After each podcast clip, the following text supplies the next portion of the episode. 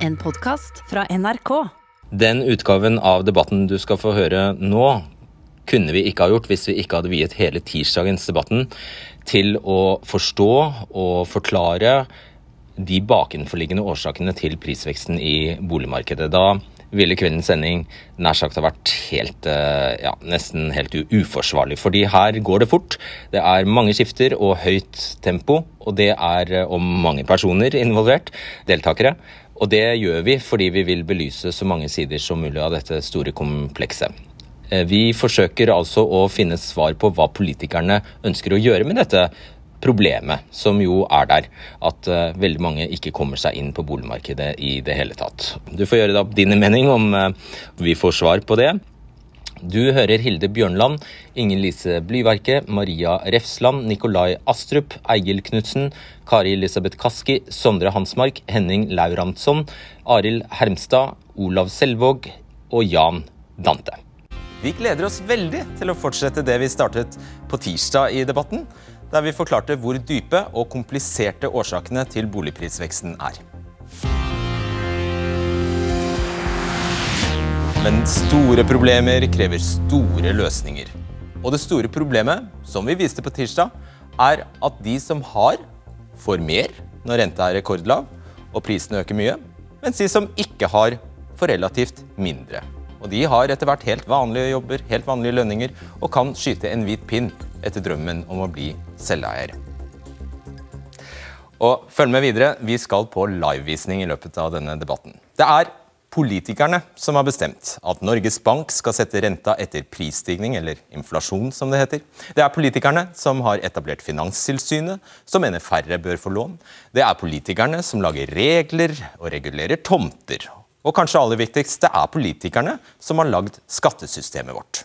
Og Derfor er vi så heldige å ha politikere til stede her. Nikolai Astrid fra Høyre, Eigil Knutsen, Arbeiderpartiet, Kari Elisabeth Kaski, SV og ikke minst Sondre Hansmark fra Venstre. Velkommen til dere. Men først skal jeg ønske velkommen tilbake. Dette er en hyggelig tradisjon. Hilde Bjørnland, professor i samfunnsøkonomi ved Handelshøyskolen BI. Du var her for to dager siden på tirsdag. Og da gikk vi gjennom disse punktene her, som altså utgjør ja, veldig gunstige ordninger, skattegaver kalte vi det, eh, for, til boligeiere. Det er fradrag for gjeldsrenter, det er skattefri utleie av, eh, i egen bolig, det er skattefritt salg etter ett år, det er eh, boligsparing for ungdom, og det er rabatt på formue, formuesskatt. Vi skal ta et lite tilbakeblikk på hva du sa på tirsdag. Det er flotte gaver alle sammen, og hver for seg så kan man argumentere for at det er en god idé. Men når du ser det samlet, så blir dette en subsidiering av boligmarkedet som fører til eh, ytterligere prispress. 60 milliarder røftlig kan man kanskje anta at denne gaven er verdt. Og du kaller det som nå skjer, disse gavene pluss, pluss, pluss, en farlig cocktail. Hvordan da? Altså, det er jo mange årsaker til at vi er der vi er. Men eh, den beskatningen vi har, som er såpass gunstig, det fører til at vi får en overinvestering i bolig. Og når man da legger til lave renter, eh, og det faktum at eh, vi, har, eh, vi, kan trekke fra renter, eller vi kan trekke fra gjelden eh, når man tar opp lån, så betyr det at du får eh, en litt sånn uheldig situasjon. At både stiger prisene, og vi blir veldig sårbare, det vi kaller finansiell sårbarhet. Og Det gjør jo at Finanstilsynet går ut og varsler om at man kanskje må låne mindre i forhold til innbyggerne. Men problemet sånn fordelingspolitisk er jo at det blir jo en del som aldri kommer seg inn i boligmarkedet. Fordi Når prisene stiger og det er gunstig beskatning for de som er i boligmarkedet, så blir det vanskelig for de som skal komme seg inn. Eh, eh, nettopp. Hvor spesielt er dette for Norge? Er det bare vi som driver, holder på sånn? Nei, altså Vi har veldig gunstig beskatning. Det har jo IMF påpekt, og OECD påpekt også. IMF, altså Det internasjonale, internasjonale pengefondet? Korrekt. Eh, og vi har en gunstig beskatning samlet med andre land, så vi har veldig lav beskatning i forhold til hva mange andre land har. Mm. Så det er faktum. Så hva må politikerne gjøre? Nei, så Politikerne må jo se på dette helhetlig. Det er klart at det er ikke én ting man kan fikse, man må jo se på hele skattesystemet som helhet. Og så er det jo selvfølgelig slik at Politikerne kan jo ikke endre renta, det er det Norges Bank som gjør. Men gitt at rentene er såpass lave og ser ut til å bli det lenge, så er det beskatningen som jeg mener er hovedproblemet nå. Og det er jo å gjøre noe med eiendomsbeskatningen, f.eks. Eh, gjøre en nasjonal eiendomsskatt er en mulighet. Da, det er upopulært. Det er veldig upopulært, eh, og det kommer vi sikkert til å høre òg. Og da har du muligheten til å tenke på det med skattefradraget. Da. Eh, når du skal ha, det at du kan trekke fra de utgiftene du har på gjelden din. Det er noe jeg mener man bør se, opplagt se på. Ok, eh, Hvis du skulle tippe, hvor raskt greier de å skyte ned forslagene? Eh, forslagene? Eh, jeg tror de har mange gode ideer hver for seg, men jeg tipper at de blir skutt ned ganske raskt. vi får se. Stå der. Bare, bare se, så, så vi, te, vi, tester det nå. Nikolai Astrup, alle økonomene er enige med henne. Mm. Så Høyre, det ansvarlige regjeringspartiet Høyre er vel også enig? Jeg mener at Det er viktig å starte med å si at uh, boligmarkedet i Norge er i hovedsakelig en suksess. Åtte av ti eier sin egen bolig. Snittalderen for førstegangskjøper i Norge er 28 år. I Oslo kunne man tenke seg at den er mye høyere, men den er faktisk 28,8 år. og Det har vært en flat utvikling de siste ti årene. Og så er det noen som sliter med å komme seg inn på boligmarkedet. Men jeg mener jo at eh, økonomene sammenstiller ofte det med å kjøpe seg et hjem med at ja, men du burde jo satt disse pengene i uh, en bedrift og skapt arbeidsplasser. Men for folk flest så er jo ikke dette et valg. Det er jo ikke slik at du låner fem ganger inntekt og kjøper uh, aksjefond. Mm. Uh, du kjøper deg et hjem, så vi må skille mellom de som skal kjøpe seg et hjem, og det er de aller, aller fleste, og de som driver og spekulerer i boligmarkedet. Og for dem har vi jo strammet inn kraftig i tråd med økonomenes anbefaling. Så kjøper du deg en bolig nummer to, eller kjøper du deg en veldig dyr bolig, så er det langt mindre attraktivt enn det var før. Og kjøper du deg en bolig nummer to, så er det jo eh, skatt når du ja. selger den, og det er eh, full det... skatt på leieinntekter og alt dette her. Så, så vi har gjort så et skille mellom av... spekulanter og mellom det å skattlegge folks hjem, for det skal ikke være en melkeku for staten. Nettopp. Uh, så Ja, akkurat. Uh, Ingen av disse forslagene om å gjøre noe med noen av disse elementene her i skattesystemet er du altså jo, Vi har jo også gjort en del med dette. For det er Fradraget for gjeldsrentene kraftig redusert, fra 28 til 22% Rabatten på formuesskatt er kun 10% på bolig nummer to. Mer, da. La meg omformulere. Så, så du er ikke har, villig til det. Du vil men, gjøre mer. Men dette er viktig, Fredrik, fordi vi har gjort endringer de siste årene. Store endringer i dette. Nettopp. Ja for å hindre boligspekulasjon, men samtidig ønsker vi å legge til rette for at så mange som mulig skal komme seg inn på boligmarkedet for å ha et trygt og godt sted å bo. Det var vel nedskyting vi hørte her? Noe, det skal de ha. De har gjort noe. Man har redusert satsene. Men det er en kjensgjerning at boligprisene i Norge har steget mer enn i andre land. Så vi er i mye mer sårbar posisjon enn i andre land, og gjeldsgraden er mye større enn i andre land. Så vi har ikke gjort nok. Nettopp. Ja, bare, to, ja straks. Uh, før, du, før, du, forlater oss. Hva skjer hvis de ikke lytter til deg? Hva skjer hvis de bare fortsetter? Altså, det er to ting. Det ene er fordelingspolitisk, at det er noen som aldri kommer seg inn og blir havnende etter. Og det andre er jo at vi er i en veldig sårbar posisjon hvis rentene skulle gå opp igjen eller ledigheten stiger og du får da dette boligprisene som sprekker og folk ikke kan betjene gjelden sin. Og Det er jo det som er liksom for samfunnsøkonomien som man er mest bekymret for. At vi liksom er satt oss selv i en sånn hjørneløsning. da. Ja, og Du nevnte en elefant i rommet sist. Hva var det? Jeg mener beskatning er elefanten, for vi vil ikke ta i det. og Det at vi har alle disse tingene samlet, gir en samlet en gunstig stimulans. Og jeg mener at fradrag for gjeldsrenter det bør man se på i enda større grad. Tusen takk. Får se om de vil ta i elefanten din. Eh, hva sier du, eh, hva sier du Egil det, vil du gjøre noe av dette her mindre gunstig? Arbeiderpartiet? Ja, eh, BSU-ordningen bør strammes inn. Det har Arbeiderpartiet foreslått i vårt nye partiprogram, og det har også regjeringen foreslått i, i forslaget til statsbudsjett nå. Og det er mye som fortsatt kan gjøres, på, på formuesskatten også. Eh, er det eh, ting som kan gjøres. En kan øke satsene. Regjeringen har kutta kraftig i satsene, sånn at rike boligspekulanter betaler mindre skatt av de store formuene sine som de har tjent på å presse boligprisene oppover. Men akkurat til det med rentefradraget så har jeg lyst til å si at det handler om fordeling, det også. Eh, fordi Hvis en fjerner rentefradraget nå, så rammer en også de unge som akkurat har kommet seg inn på boligmarkedet og kjøpt seg en liten, Omtrent men veldig dyr Omtrent på samme måte som at hvis man bare klasker til med en plutselig eiendomsskatt i Oslo, så rammer det også ja, men Nå var det eh, rentefradraget jeg snakka om, og, og kjøpt seg liten og dyr ja, jeg snakket Om eiendomsskatten, jeg valgte det. Eh, og, eh, mens da foreldregenerasjonen som har nedbetalt Er det et argument at noen, er det virkelig et argument at hvis du innfører noe du mener er riktig, så vil det plutselig kunne eh, ramme de som eh, er nye på markedet? Er det virkelig Det rammer jo en hel generasjon med nye, unge boligeiere. De kommer seg tross alt inn, da? Ja, men de har jo også regna med eh, å få et rentefradrag. og Det er kanskje det rentefradraget som gjorde at de så vidt kom seg inn på boligmarkedet eh, i Oslo eller Bergen, hvor det er tøft å komme seg inn for de unge. Svar enkelt på dette enkle, men veldig store spørsmålet. Hva vil sosialdemokratiet i Norge, Arbeiderpartiet i Norge, hva er det store grepet fra dere for å sørge for at folk, vanlige lønnstakere i dette landet, kan kjøpe seg bolig? Det viktigste, Annet enn det småtteriet du ja. snakket om nå, da. Det viktigste og store er å få folk i jobb. Investere i jobbskaping, sånn at eh, folk Ser man det? Så du vil ikke gjøre noe med skattesystemet? Heller, jeg, jeg kommer til det. Heller enn skattekutt til de med store aksjeformuer, som er det vi får nå. En må bygge flere boliger.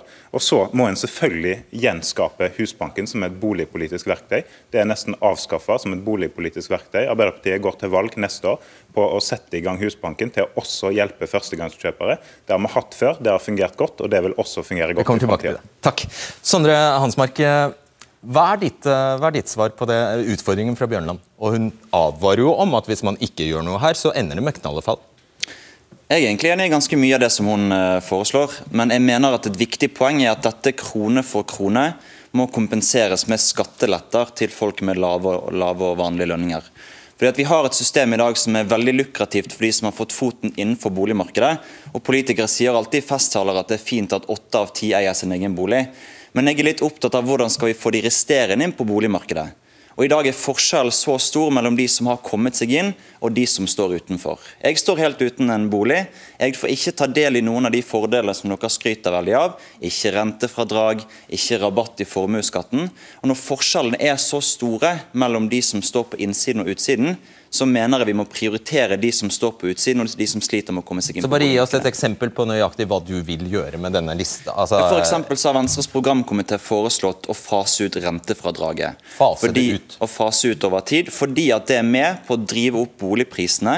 Det gjør at folk tar ut mer i lån, det gjør at budrundene blir mye villere. Men det er viktig å si at jeg mener at disse pengene skal gå tilbake til skattelette til vanlige folk. For da kan de sørge for at de beholder en større del av arbeidsinntekten sin, og det blir lettere for folk å spare opp egenkapital, sånn at de kan realisere eh, boligdrømmen. Og du kan, bare for å forstå det, eh, du kan ikke bare gjøre det uten å ta hensyn til resten. Altså Dette skattefradraget her, det henger veldig nøye sammen med resten av skattesystemet. Så du må endre mye hvis du først begynner. Ja, det gjør det. Derfor jeg sier at sånn, Vi har et helhetlig skatteopplegg som sørger for at folk må betale mindre skatt på inntekt. Det er bra for arbeid og verdiskapningen, samtidig som vi faser ut noen av de veldig lukrative delene med å eie dyre boliger. Kari Elisabeth Kaski, hva er SVs løsning? Eh, Vi foreslår egentlig to hovedgrep. Det ene er at vi må beskatte bolig. Det må bli på tide å begynne å beskatte eiendom i det landet her, og, og vi som politikere må tørre å si det. Eiendomsskatt? Ja, eh, altså, Her finnes det mange ulike måter å, å, å gripe det an på. Det vi foreslår, er egentlig å inntektsbeskatte boligen din. Eh, At du skattlegger fordelen av å eie en bolig.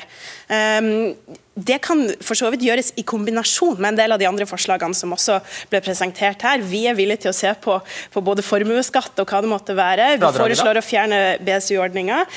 Når det kommer til rentefradraget, så, eller gjeldsfradraget, så så er jeg hva skal jeg si, er ikke, Det er ikke noe vanskelig å se problemet med det i dag.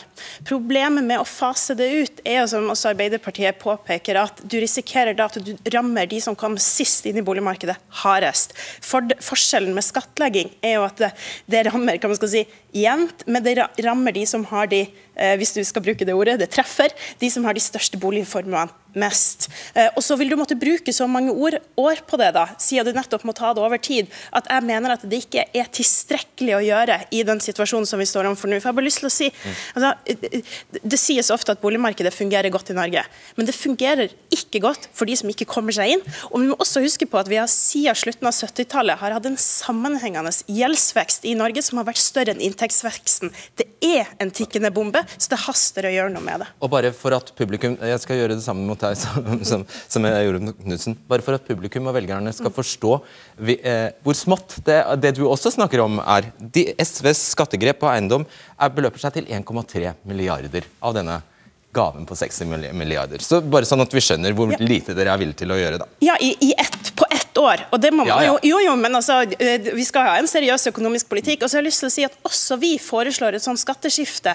som gjør at vi tar krone for krone egentlig, og reduserer skatt på Altså, arbeid. SV er jo litt mer er- allergisk mot skatteletter enn det eksempel Venstre. Jeg mener at dette skal gå krone for krone tilbake til vanlige folk. Jeg synes det er litt overraskende at SV er mot å fase ut rentefradraget, for det er på mange måter omvendt Robin Hood-politikk. Det er de som har de største formuene, de største boligene, den største inntekten, som får de store verdiene av rentefradraget. Det er ingen begrensninger på rentefradraget i dag. Du kan kjøpe en villa til 60 millioner kroner, og så skal staten kompensere for en fjerdedel av rentekostnadene. Og Det betyr at nettopp de som har aller mest, de aller mest formuede, er de som får de største fordelene for dette. her.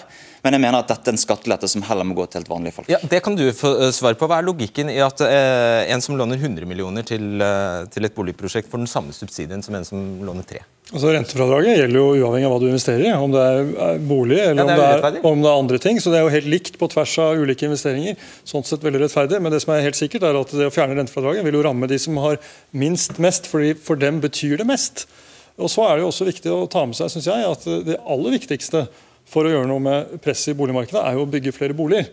Eh, Det, jo, og det fikk Det vi illustrert av Erling Rød Ja. eh, her- Larsen her på, på tirsdag også. og Han sa vel at det utgjorde 10 prosentpoeng eh, hvis du bygger 10, altså 10 000 nye boliger i Oslo, så ville det slå ut 10 eller 14 Og deg til skatt nå, er du snill. tror jeg. Så, så, ja, men, men det sier jo også noe om at du må se det i sammenheng. Så Vi kan gjerne bare Det er det vi diskutere skatt. det er en av del denne en større helhet. Og jeg mener- nå Og jeg mener da at vi må skille mellom de som driver med boligspekulasjon og, de som, og det som handler om å eie sitt eget hjem. og Det skal altså ikke være en melkeku for staten. og Det har vært vellykket å legge til rette for at flere kommer seg inn Mm. ved at vi har fordeler som gjør det attraktivt å eie sin egen bolig. Hvorfor vil ikke Arbeiderpartiet skattlegge gevinst på boligsalg? Fordi at eh, det, skattefrie, eh, det skattefritaket der det er jo til fordel for de som ikke spekulerer i boligen sin. Eh, de som har bodd i boligen sin et år, i motsetning til de som ikke har bodd den. Og det er jo klart at Nordmenn legger ned veldig mye tid og ressurser og penger i boligene sine. Mange bruker de pengene de tjener på boligene på fornuftige ting. Men det betyr også som- at en finansakrobat som, som kjøper en leilighet til 20 millioner, kan selge den for 25 millioner. Året etter putte 5 Hvis han har millioner rett i lomma. Helt skattefritt. Mm. Hvordan blir det riktig? Og Det er jo problemet med en del av boligskattesystemet Ja, i Norge. jeg spør, jeg, er første? Jeg er den første til å erkjenne det, og at dette ikke er perfekt, men det har blitt til mens en går. Og Skulle en bygge det om eh, på ny i dag, så ville det jo ikke sett ut nøyaktig som det gjør nå. Det er lov Problemet er jo bare at hvis en f.eks. Rent, endrer rentefradraget over natta, så rammer det jo de eh, som har kjøpt seg en leilighet på Grünerløkka nå til 5 millioner, akkurat kommet seg inn. Eh, og så eh, må de betale rentefradrag resten av lånetida på den. Det Boligmarkedet i dag er en, en gigantisk forskjellsmaskin. Det, det driver for uh, de økte økonomiske forskjellene i Norge. Så vi er nødt til å ta tak i det, og vi må gjøre det på en måte som jevner ut forskjellene, og som stanser spekulasjon, og som sørger for at det er lettere for folk å komme inn. Uh, og, og jeg følger uh, Venstre fullt og helt på, på argumentasjonen som går på rentefradrag. Og vi kan være med og snakke på kan du sette noe tak på det, kan du sette andre begrensninger rundt det. Men jeg er også bare opptatt av å finne politikk som vil funke. Og jeg frykter med det at du vil både kunne bidra til å treffe for dårlig overfor nettopp de som kom sist inn i boligmarkedet, at det blir usosialt, og at du vil bruke for lang tid på det. Og det haster å gjøre noe med det her. Bare eh, grunn på et svar mens eh, Astrup får ordet kort. Altså, formuesulikhet- altså, Det at åtte av ti eier sin egen bolig, har bidratt til å redusere formuesulikheten i Norge, ikke å øke den. Og Hvis du kom til Norge som arbeidsinnvandrer på 70-tallet fra Pakistan og kom deg inn i boligmarkedet, så har du vært med på en fantastisk boligreise. Men la meg si, Du tok utgangspunkt i et eksempel med en som kjøpte en leilighet til 20 millioner. Men det er jo ikke de som vil bli rammet av den innstrammingen du foreslår, Fredrik. Fordi det er jo, det er jo to, eh, Hvis du har to sykepleiere som bor i en liten leilighet, og så får de barn.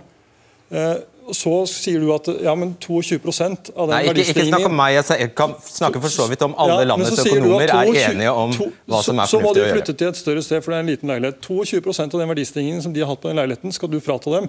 Eh, Og Det gjør at det blir enda vanskeligere for dem å ta den boligreisen til neste steg. Så igjen så må vi skille mellom det som er boligreisen til folk flest, og det som er spekulanter. Og For spekulanter har vi strammet inn. For folk flest så mener jeg det er viktig at vi faktisk anerkjenner at dette er et hjem og ikke et investeringsobjekt. Ok, Hansberg. Jeg syns ikke SV må bli så opptatt av å straffe de som har veldig dyre villaer, at man glemmer de som skal inn på det helt vanlige boligmarkedet. Og Der har jo også prisene økt helt enormt de siste årene. Siden 2003 så har boligprisene i Norge økt med 163 Her i Oslo har den økt med tre ganger det som er lønnsveksten i byen. Og Da må man sørge for hvis man fjerner rentefradraget, at folk ikke går inn i de gjeldsspiralene som man gjør nå. For norske husholdninger har veldig stor gjeld. Når man kan ta opp så stor gjeld som, som politikerne tillater, så driver man opp budrundene og gjør det vanskeligere for helt vanlige folk å komme inn på, på boligmarkedet. Ja. Dette handler jo også om hva vi skal prioritere og, og sette inn støtet på i skattepolitikken. Og eh, Astrup sier at de har stoppa spekulantene. Vel, de har jo ikke det. De har kutta satsen i formuesskatten fra 1,1 til 0,85. Det høres lite ut, men det er svære kutt i formuesskatten, som har vært til stor fordel for de med store aksjeformuer og store boligspekulasjonsformuer. Eh, Så det er jo noe av det viktigste og første et nytt flertall på Stortinget neste år kan gjøre det å øke satsene på formuesskatten, som treffer de aller rikeste, og det treffer de som spekulerer i bolig, driver opp prisene og tjener seg rike på det. Ok, jeg tror vi, Dere to kommer tilbake, Astrup og Kaski, så du får bare, du får bare ja, Ok, kjemperaskt. Takk. Nei, jeg, jeg, tror Venstre skal være mer opptatt av å, å, kommunisere sin boligpolitikk til regjeringspartner Høyre, som jo tross alt er de som argumenterer imot dere. Jeg er enig i at vi er nødt til å gjøre noe med boligmarkedet, men mener at skatt er enda raskere for å komme okay. dit du skal, som er å senke boligprisene i Norge. Ok, Nei, beklager. Beklager. Vi må videre. Takk. Takk. Eh, nå skal vi faktisk ut i dette brennhete boligmarkedet, og vi skal til en mann som selger leiligheten sin eh, helt selv. Det er deg, eh, Henning Lauransson. Du skal nå selge leiligheten din på Bjølsen i Oslo. Kan, du, kan ikke du ta oss med på en visning? Hei, Fredrik. Det gjør jeg gjerne. Dette er Benseburggata 29B. Og jeg skal ha visning her på søndag klokken ett og mandag klokken seks. Du kan jo ta en titt her inn på badet.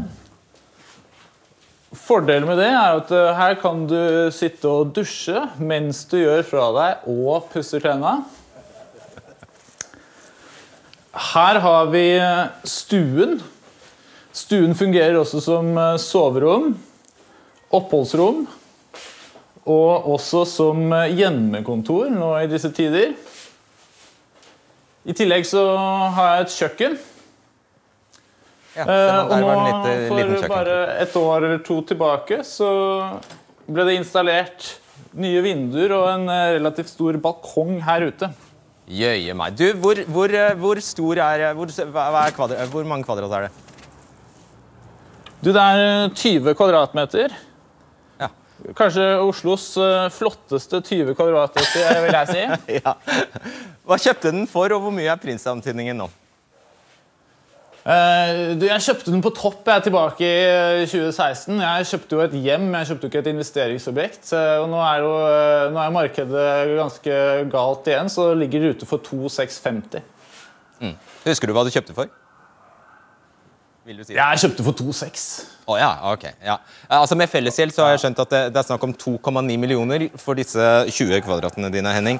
Um, og Det er altså eh, visning førstkommende søndag. Hvordan har responsen vært så, så langt? Veldig god respons. Jeg har fått uh, nå 2450 klikk på annonsen. Så det er klart at interessen er enorm. Ja, det får en si. Hvor skal du flytte nå, da? Du, Det får tiden vise. Forhåpentligvis så vil jo dette skaffe meg masse publisitet og høy pris. Så kan jeg finne meg så vi tar en avtale med banken etter at salget er gjennomført. Eh, hva syns du om eh, du er en luring, hva syns du om prisgaloppen i Oslo? Eh, nei, hva skal man synes om den? da? Det er jo, eh, virker å være som tyngdekraften, det. Så lenge verdensøkonomien går som går, så går, eh, så går prisen opp. Kan ikke gjøre annet enn å ønske deg lykke til. Takk skal du ha. Takk. Ok, det, har, eh, skal, det er slett ikke bare i Oslo dette her eh, gjør seg gjeldende. Det har vært boligprisvekst nær sagt i hele landet i det siste. I Oslo steg prisene mest, men Porsgrunn og Skien fulgte rett eh, etter. For Vi kan ta noen eksempler her. Der skal jeg snu meg denne veien, ja. For en 22 kvadrats studioleilighet, som det heter, i Bodø. Må man ut med 1,9 millioner hvis prisantydningen slår til. Omtrent det samme koster det i Tromsø for, for en ettromsstudioleilighet. Og hvis vi ser den uh, leiligheten som ligger her ute med et sengeteppe, bilde av sengeteppet, den sengen her, denne går for å være en snerten og innholdsrik ettroms i Oslo sentrum, med en like snasen uh, takhøyde, ser vi. Den håper selger å få 2,8 millioner for. Også en ettroms på Majorstua i Oslo ligger ute for 3,6 millioner osv. osv. De siste 20 årene har Oslos befolkning vokst med 200 000 personer, men det har bare kommet til 60 000 nye boliger. Velkommen Arild Hermstad, byråd for byutvikling i Oslo for MDG, og velkommen Olav Selvåg. Du er styreleder i Selvåg bolig og tredje generasjon Selvåg. Legg til det også. Trengs det flere Jeg starter der, jeg. Og det samme spørsmål kan begge svare på. Trengs det flere boliger i Oslo? Ja, åpenbart. Byen vokser, og vi trenger flere boliger. Absolutt. Absolutt. Så det er dere enige om. Så hvorfor bygges det ikke flere boliger? Grunnen til at, altså vi har bygget, Det har blitt bygget 17 000 boliger de siste fem årene. Eh, vi regulerer mye mer enn vi har gjort før. altså Vi har flere, mye mer ressurser på å legge til rette for at det skal bygges flere boliger. Ikke av alt du har gjort. Hvorfor bygges det ikke mer? spurte jeg. Jeg mener at Hovedgrunnen til det er at eh, utbyggerne bruker for lang tid på å utvikle prosjekter. Eh, vi trenger også at folk som sitter på store eiendommer, ikke blir sittende på dem. De må, de må begynne å utvikle flere tomter. fordi at kommunen bygger ikke leiligheter. Hva har de å tjene på det utbyggerne å sitte og gnure på disse, på disse tomtene? da? Det har jo dere belyst ganske godt eh, i et par programmer nå. men Problemet er at det å sitte på eiendom som stiger i verdi, det er skattemessig utrolig lønnsomt, også med formuesskatten. Sånn at vi skulle gjerne sett at eh, det ikke var så lønnsomt å sitte på, eh, på de tomtene som er mye verdt for de som skal bo der. Er du enig i den analysen, Selva? Uh, nei, jeg er ikke enig i at, at, det er utbyggerne som har Det som er Resultatet av, dette, av den prisgaloppen er uh, Eller vi har hatt en prisgalopp de, de siste årene som, som, egentlig er en varslet krise. Vi, dette har vi sett lenge, for det har vært regulert altfor få boliger i forhold til hva befolkningsveksten er. Du legger skylda på han? Uh, det er, eh, altså det, dette, eh, I de siste to årene, i 18 og 19, så er det regulert i underkant av, eller rett i overkant av 2000 boliger i Oslo. Og det er en befolkningsvekst på 20 000. Ja, han sa 17 i løpet av fem år, og du sier 2000 i løpet av ja, men det, de, de tallene vi har, det er ikke regulert med et par tusen boliger det siste, i 18 og 19. Jeg kan bare oppklare det. Det er altså 17 000 boliger som er innflyttet, altså blitt solgt nye boliger de siste fem årene. Eh, og De siste fem årene så har vi regulert eh, ca. 25 000 nye boliger. Eh, og Det er en reserve i Oslo i dag på 27 000 boliger, hvorav 10 000 egentlig man kan begynne å bygge de med en gang. Og, og derfor så er det jo en reserve der. Eh, vi skal gjerne gjøre mer, men vi er altså avhengig av at også utbyggerne finner gode prosjekter og utvikle de på en god måte. Vis meg de, de, regulerte boligene som det er mulig å sette i gang med å begynne å bygge. Vi har ingen, vi har ingen tomter. Vi har absolutt ikke én en eneste tomt. Eh, en, vi har ikke én en eneste boligtomt som ikke vi er i gang med å bygge. Uh, ja, men, men siden Du er jo Selvåg, dere har gjort en del bra ting. Uh, F.eks. på Løren var dere tidlig ute. Det hjalp veldig. Ja. Men dere har f.eks. også nå en tomt som Eh, ble regulert i 2008, som dere overtok for ganske kort tid siden. Hvor ja. dere nå er i gang. Men altså, den var ferdigregulert i 2008. Den var altså eid av noen som ikke så seg tjent med å utvikle den tomten. Og da er jo spørsmålet, Skal ikke også bransjen se seg sjøl litt i speilet om man kan gjøre ting på en annen måte noen ganger? Jeg kan jo ikke svare for alle. og det, det er sikkert Nei, men nå, nå, er jo du fra bransjen her, så jeg tenker da må du jeg, jeg, jeg, kan si at vi, Du kan jo svare på hvorfor sånt skjer, da, hvis, hvis, hvis vi tar det på god Det kan være tilfeldigheter som gjør at ikke man uh, Men de aller fleste har uh, når tomtene er så dyre som det er. og Hvis vi bruker Løren som et konkret eksempel da, i 2000... Som er en relativt nyutbygd ja. bydel i Oslo? bare til. Når vi kjøpte den første tomten på, på Løren, altså Løren leir, så betalte vi ca. 2000 kroner per kvadratmeter. I dag er det bolig, per kvadratmeter boligtomt. og i i dag koster de 30 000. Altså eh, Tomtekosten har gått helt i taket. Og, for, og, og, og andelen tomtekost i forhold til eh, prisen på boliger ut har gått, eh, er tredoblet og, mer enn det de, de siste årene. Det vil Si at det er en knapphetsgode med boligtomter. Det er poenget. Da, det er grunnen til at prisen ja. har gått i været. Stikkordet kunne ikke vært bedre, fordi inn kommer Jan Dante. Du, er, du, er, du eier 550 mål skog i eh, Marka. Eh, rett ved Nordmarka, rett ved Oslo. Oss, hvor er det du eier? Kan du peke for oss? Mitt område er mellom Strømstammen og Wyller eh, slalåm alpinanlegg. Det er Og her, bare for å Dette er Holmenkollen, det er til høyre her. Oppe der ser vi Tryvannstårnet. Ja. Boligmangelen i Oslo kan lett løses. Det eneste det handler om, er en liten justering av markagrensen. Eh, markagrensen, eh, den hellige markagrensen ble i sin tid satt helt vilkårlig eh, etter den siste boligen og den siste veien. Jeg har et eksempel på det området som jeg er engasjert i. Det er altså et område på 3000 mål eid av kommunen, og 550 mål som jeg eier. Så du er her for å be for din syke mor? Eh, det er jeg ikke helt. Det er for å kunne løse eh, bl.a. boligproblemene. Eh, se på området.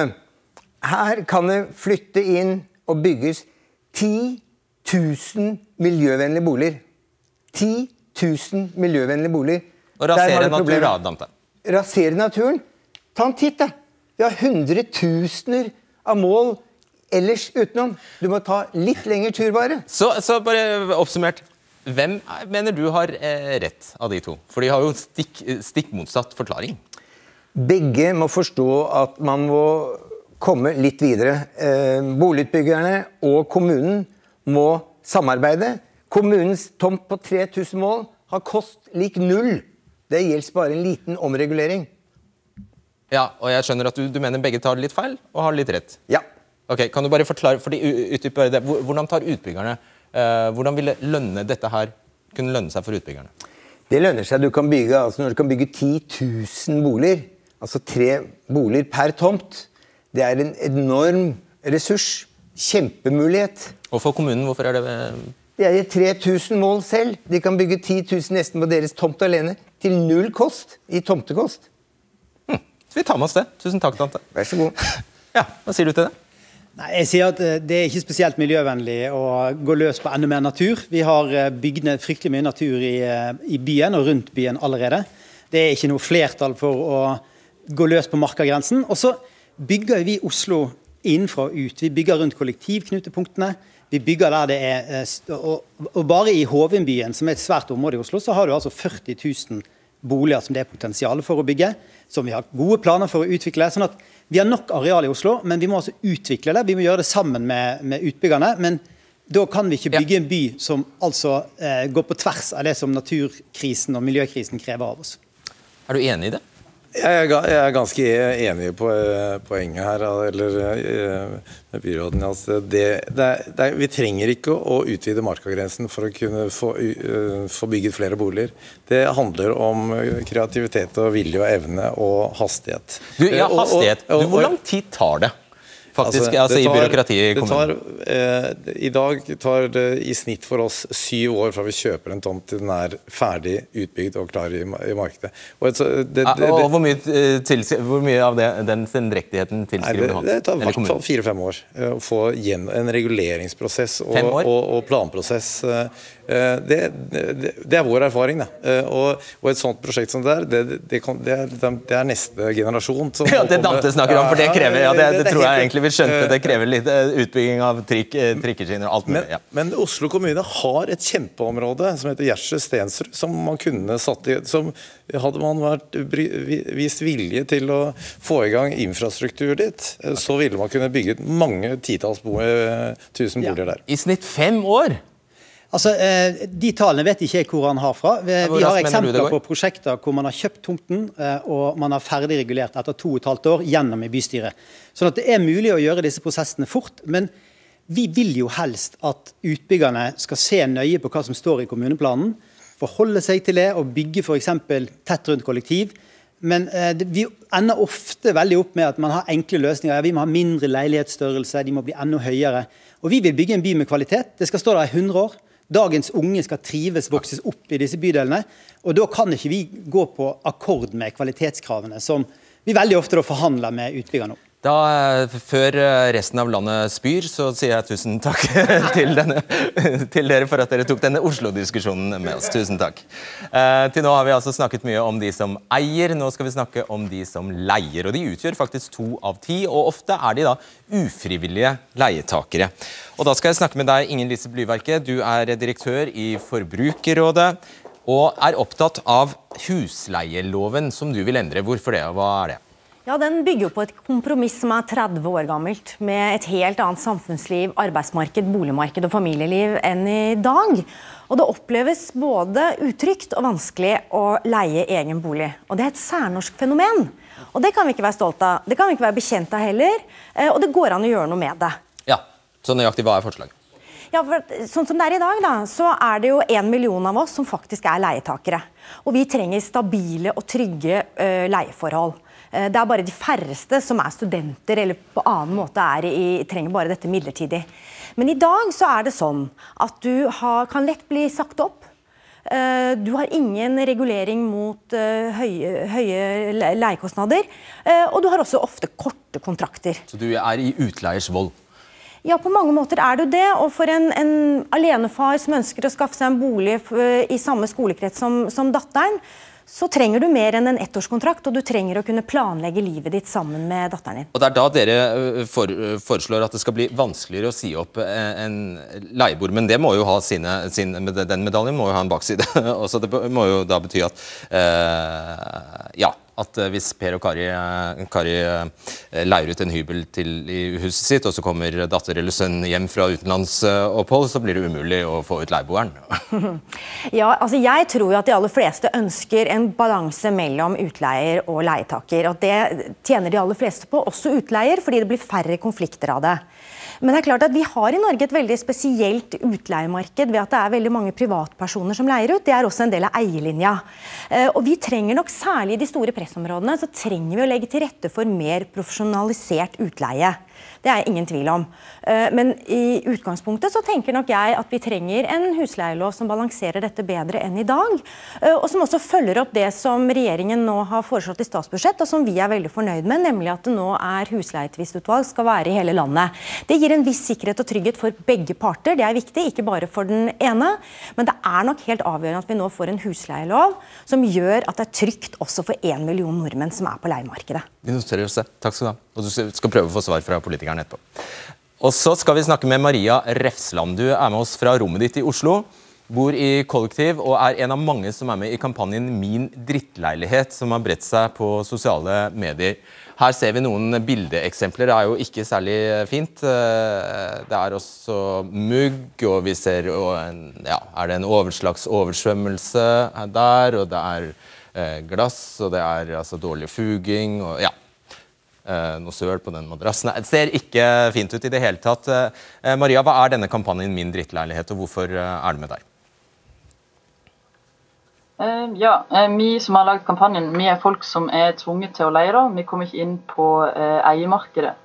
Og vi syns at vi betalte for mye for, eh, for, dårlig eh, standard og for lite. Og vi tenkte at vi ikke var de eneste som følte det. da. Så da lagde vi denne kontoen og ba folk sende inn historiene sine og bilder. Eh, og allerede fra første dag egentlig så strømmer det inn med bilder og historier fra uverdige leieforhold. da. Mm. Så det vi har avdekka, er egentlig at noen tjener seg rike på at vi bor smått og dårlig i drittleiligheter, og at de som har minst, utnytter de som har mest. Nettopp. Og du... Eh, og ja, litt forsinkelse her, men jeg skal bare pense deg inn på For du har spesifikt, du har spesielt reagert på en uttalelse fra eh, Nikolai Astrups eh, kollega i Høyre, Toril Eidsheim, som i en eh, boligreportasje i Morgenbladet sa flere og flere ønsker å bo på mindre areal. Mikrohus er også på moten. Folk søker i det hele tatt mer fleksible løsninger, og for oss er valgfrihet viktig, sa hun. Hvorfor er det så ille, det utsagnet der? Nei, altså Det var jo litt uh, frekt, uh, syns vi. da. Uh, altså Folk etterspør ikke små leiligheter med lav standard fordi de har så veldig lyst på det, men fordi de ikke har noe annet valg. Så Vi tenker jo at minihus er ikke på moten, men det har blitt vanligere å ha dårlig råd under denne regjeringa. Og man ser ikke andre muligheter for å komme seg inn på boligmarkedet. Så det er fine ord. Fleksibilitet, valgfrihet. Folk ønsker det, men vi tenker at det er noe skikkelig lureri. Mm. Og hva er løsningen? Den, hva, hva er løsningen? Nei, det har jo vært mye gode forslag her, da. Men eh, det, vi er jo veldig for en massiv utbygging av en tredje boligsektor. Altså eh, med boliger som er ikke-kommersielle. Så vi ønsker jo slutt på disse boligspekulantene. Eh, og det er jo nettopp denne politikk, altså den politikken som Høyre, eh, forslaget til Høyre om å bygge flere små leiligheter, eh, det vil gagne utbyggerne og boligprofitørene, men ikke vanlige folk. Det er det vi tenker. Tusen takk skal du ha, Maria Refsland. Ja, Nikolai Astrup, tror du virkelig, tror du også at, at det er stor etterspørsel av higen etter mikroleiligheter? Det er ikke nødvendigvis stor, men uh, altså, vi har sagt i Granavolden-plattformen at vi ønsker å ha et pilotprosjekt med mikrohus. Uh, og Det er jo også en miljøtrend at uh, mange ønsker å bo på mindre areal for å ha et mindre fotavtrykk. Men det er jo noe helt annet enn det vi snakker om her. Eh, så dette er jo absolutt valgfritt å bo i et mikrohus eh, hvis vi gjennomfører et pilot, pilot, pilotprosjekt med det. Så, Skjønner du hva hun sier? Ja, absolutt. Eh, men jeg tror også hun misforstår Tore Leidsheim med vilje her. Fordi Det er jo åpenbart at ikke hun snakker om den type forhold som, som denne kampanjen drar opp. og Det er jo helt uakseptable bilder som vi ser. og Jeg er helt enig i at vi må ha et lovverk, og det har vi jo i og for seg, som sikrer leietakerne. Hva vil du gjøre da? Nei, det, Vi har blant annet sagt at vi skal opprette fra 2021 så vil vi utvide husleietvistutvalget uh, til å gjelde hele landet. I dag er det bare Ja, konsentrert om noen få, eh, noen få områder. Det er et viktig tiltak. Og så uh, mener jeg også at det er viktig at leietakere er klar over hvilke rettigheter som ligger i loven i dag. Altså Dette er uakseptabelt. Utleier har en plikt til å sørge for at forholdene er i orden, at det ikke er noe fare for liv og helse. Eh, Og man har altså eh, rettigheter som må ivaretas i dag. og Så derfor forstår det sånn at du mener dagens lov er tilstrekkelig hvis den bare praktiseres? Nei, altså vi kommer til å vurdere, vi skal legge frem ny boligsosial politikk nå i høst. og Da kommer vi til å vurdere det forslaget til Blyverket også, om eh, det er lurt å også utvide leiekontraktene, altså tidsbestemt. Men det har noen ulemper også, som er viktig å være klar over. Kaski, dere har lagt dere selv els på den såkalte tredje boligsektoren, som også Refsland var innom her. Hvordan skal det foregå, egentlig? Hva er det for noe? Mm. Jeg tror at alle som har vært på utleiemarkedet, skjønner at det her ikke bare handler om lover og regler. Det handler om i bunn og grunn en ufattelig stor ubalanse i makt og i maktforhold. Eh, og det får du bare jevna ut egentlig gjennom at det offentlige tar større grep om hele boligmarkedet, og også da utleiemarkedet. Vi, vi glemmer ofte de i boligdebatten. Ja, det handler masse det om, om, eh, om de som eier.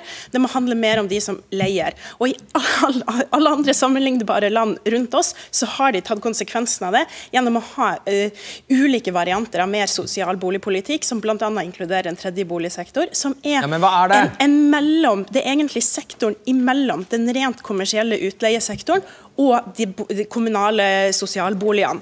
En, en, en offentlig utleiesektor som ikke er drevet av profitt, men som er drevet av at folk skal kunne leie sitt eget hjem trygt og godt. Kommunal eller statlig? Jeg tenker at det kan være litt ulike varianter, og som også kan inkludere eh, boligbyggelag som driver ideelt. Altså Her kan vi spille på ulike modeller på det, når man nå drar i gang i en del av byene, etter bl.a. forslag fra SV. Ok. Er det en god idé? Nei, jeg mener det ikke er en god idé. Eh, og det å låse folk inne i en tredje boligsektor og avskjære dem fra den verdistigningen som resten av markedet eh, får ta del i, det, det er, det er ikke noen god idé. Og så er opptatt av ulikhet her. Altså, men det man sier er at De som har utgangspunktet problemer med å komme seg på boligmarkedet, de skal ikke få være med på den reisen som resten av befolkningen er med på. Det mener jeg er helt feil. Vi må støtte mennesker og ikke boliger. og Derfor er startlån til vanskeligstilte et av regjeringens absolutt viktigste tiltak. Vi gir altså lån til folk som har vedvarende problemer med å komme seg inn på boligmarkedet. Vi har gitt 50 milliarder kroner i lån siden eh, 2013 til 50 000 mennesker. og Bare neste år så legger vi, eh, legger vi opp til å bruke 13 milliarder kroner på dette tiltaket. Det er et målrettet tiltak som virkelig hjelper folk som ellers aldri hadde kommet seg inn på boligmarkedet, til å kunne eie sin egen bolig. Med respekt å melde så har denne regjeringa begrensa startlånsmuligheten. For hvis du er en, en fysioterapeut for eksempel, eller jobber i helsevesenet og ikke har rike foreldre da, eller noe arv å, å bruke av, og bor alene, så kommer du deg ikke inn i store deler av Og da får du ikke boligmarkedet. i dag, dette får startlånet ikke- da? Da får du det ikke det startlånet med de begrensningene som er satt nå, fordi du har en normal jobb med normal inntekt og ikke såkalt vanskeligstilt. Men du har ikke sjans til å komme inn i, i boligmarkedet, og det er jo der den store forskjellsdriveren er. Og, og da har du jo en fordel hvis du da kan leie av en utleier som ikke først og fremst søker profitt, som har lavere priser på utleie, sånn at du har i det minste en sjanse til å spare penger eh, for å komme deg inn senere i boligmarkedet. Ja, Det Kari Elisabeth Kaski inviterer til, er jo en gjeldsfest for uh, unge mennesker som, uh, sin, uh, som sliter med å komme inn på boligmarkedet. Det er jo det samme som å undergrave boliglånsforskriften. For Hun sier at ja, dere kvalifiserer ikke til å få lån i banken, men vi skal få lån av staten isteden. Men det betyr jo likevel at gjelden øker, og at gjeldsbelastningen øker, og at de er mer sårbare for, for svingninger i renten. Så jeg mener at det er en dårlig idé, og det vil gå utover de vanskeligstilte som virkelig trenger den hjelpen. Og La meg minne om igjen at Snittalderen for førstegangskjøpere i Norge er 28 år. Så ja, det er krevende å komme inn på boligmarkedet, men de aller fleste greier dette. Men de trenger litt lengre tid for å spare seg opp egenkapital. problemet Astrup, er at Høyre ikke har noe politikk for de som ikke kommer seg inn i boligmarkedet. Og Det er en driver for forskjellsutviklinga i Norge i dag. Det gjør at de blir hengende igjen. De har ikke sjans når det går, Ja, går han, noen år. han påpeker at din, din resept er bare å gi de som i dag ikke får lån i banken, billige lån, og da har du det gående. Da gjør man akkurat det Finanstilsynet Altså, Man kan man legge ned Finanstilsynet, egentlig? Det man sier til dem, er ikke at de skal få billige lån. De kan gjerne få lån på, på vanlige markedsmessige betingelser, men de skal få lån. Og det får de ikke i dag, selv om de har en inntekt til å kunne betjene det. Og Hvis vi skal snakke om gjeldsfest, så kan du ta en titt på boligmarkedet som er i dag, og som Høyre er en pådriver for, fordi at man ikke har noe politikk for å bremse den gjeldsveksten. Og jeg hører ingen andre forslag fra Høyre. Ikke et eneste annet forslag som faktisk kan bidra til å løse den floka. Enten det er boligsosiale tiltak eller det andre ordninger. Det vi vet fra SV er at det skal bli høyere skatt og det skal bli gjeldsfest. så det blir en kjempekombinasjon. Og det å si at regjeringen ikke har boligsosial politikk, det er feil. Jeg har akkurat fortalt om 50 milliarder kroner i startlån til nettopp vanskeligstilte. Og vi har mange andre viktige boligsosiale tiltak for nettopp å hjelpe de menneskene som sliter. Norge bruker langt Men mindre på boligsosiale tiltak enn det som er snittet i OECD. Så det fins ikke noe politikk løsningen. som er redninga her for de som ikke kommer seg inn i boligmarkedet. Og det er fordi vi har et mer velfungerende boligmarked i utgangspunktet. Stopp. Så vi må målrette innsatsen mot de som faktisk trenger hjelp. Stopp! Debatten tar helg, men vi er selvfølgelig å finne på NRK TV og som podkast. Vi ses tirsdag. Ja, oppsummert så er det altså langt unna noe flertall på Stortinget å gjøre noe med det de aller fleste fagøkonomer mener skal til for å stagge prisveksten, nemlig en fundamental endring av skattesystemet, slik at det favoriserer bolig og eiendom mindre. Det kan vi altså se langt etter. Jeg håper dette har vært to nyttige debatter for eh, både den som er inne og den som er ute av boligmarkedet. Og så høres vi igjen tirsdag. Ha det bra. Du har hørt en podkast fra NRK. Hør flere podkaster og din NRK-kanal i appen NRK Radio.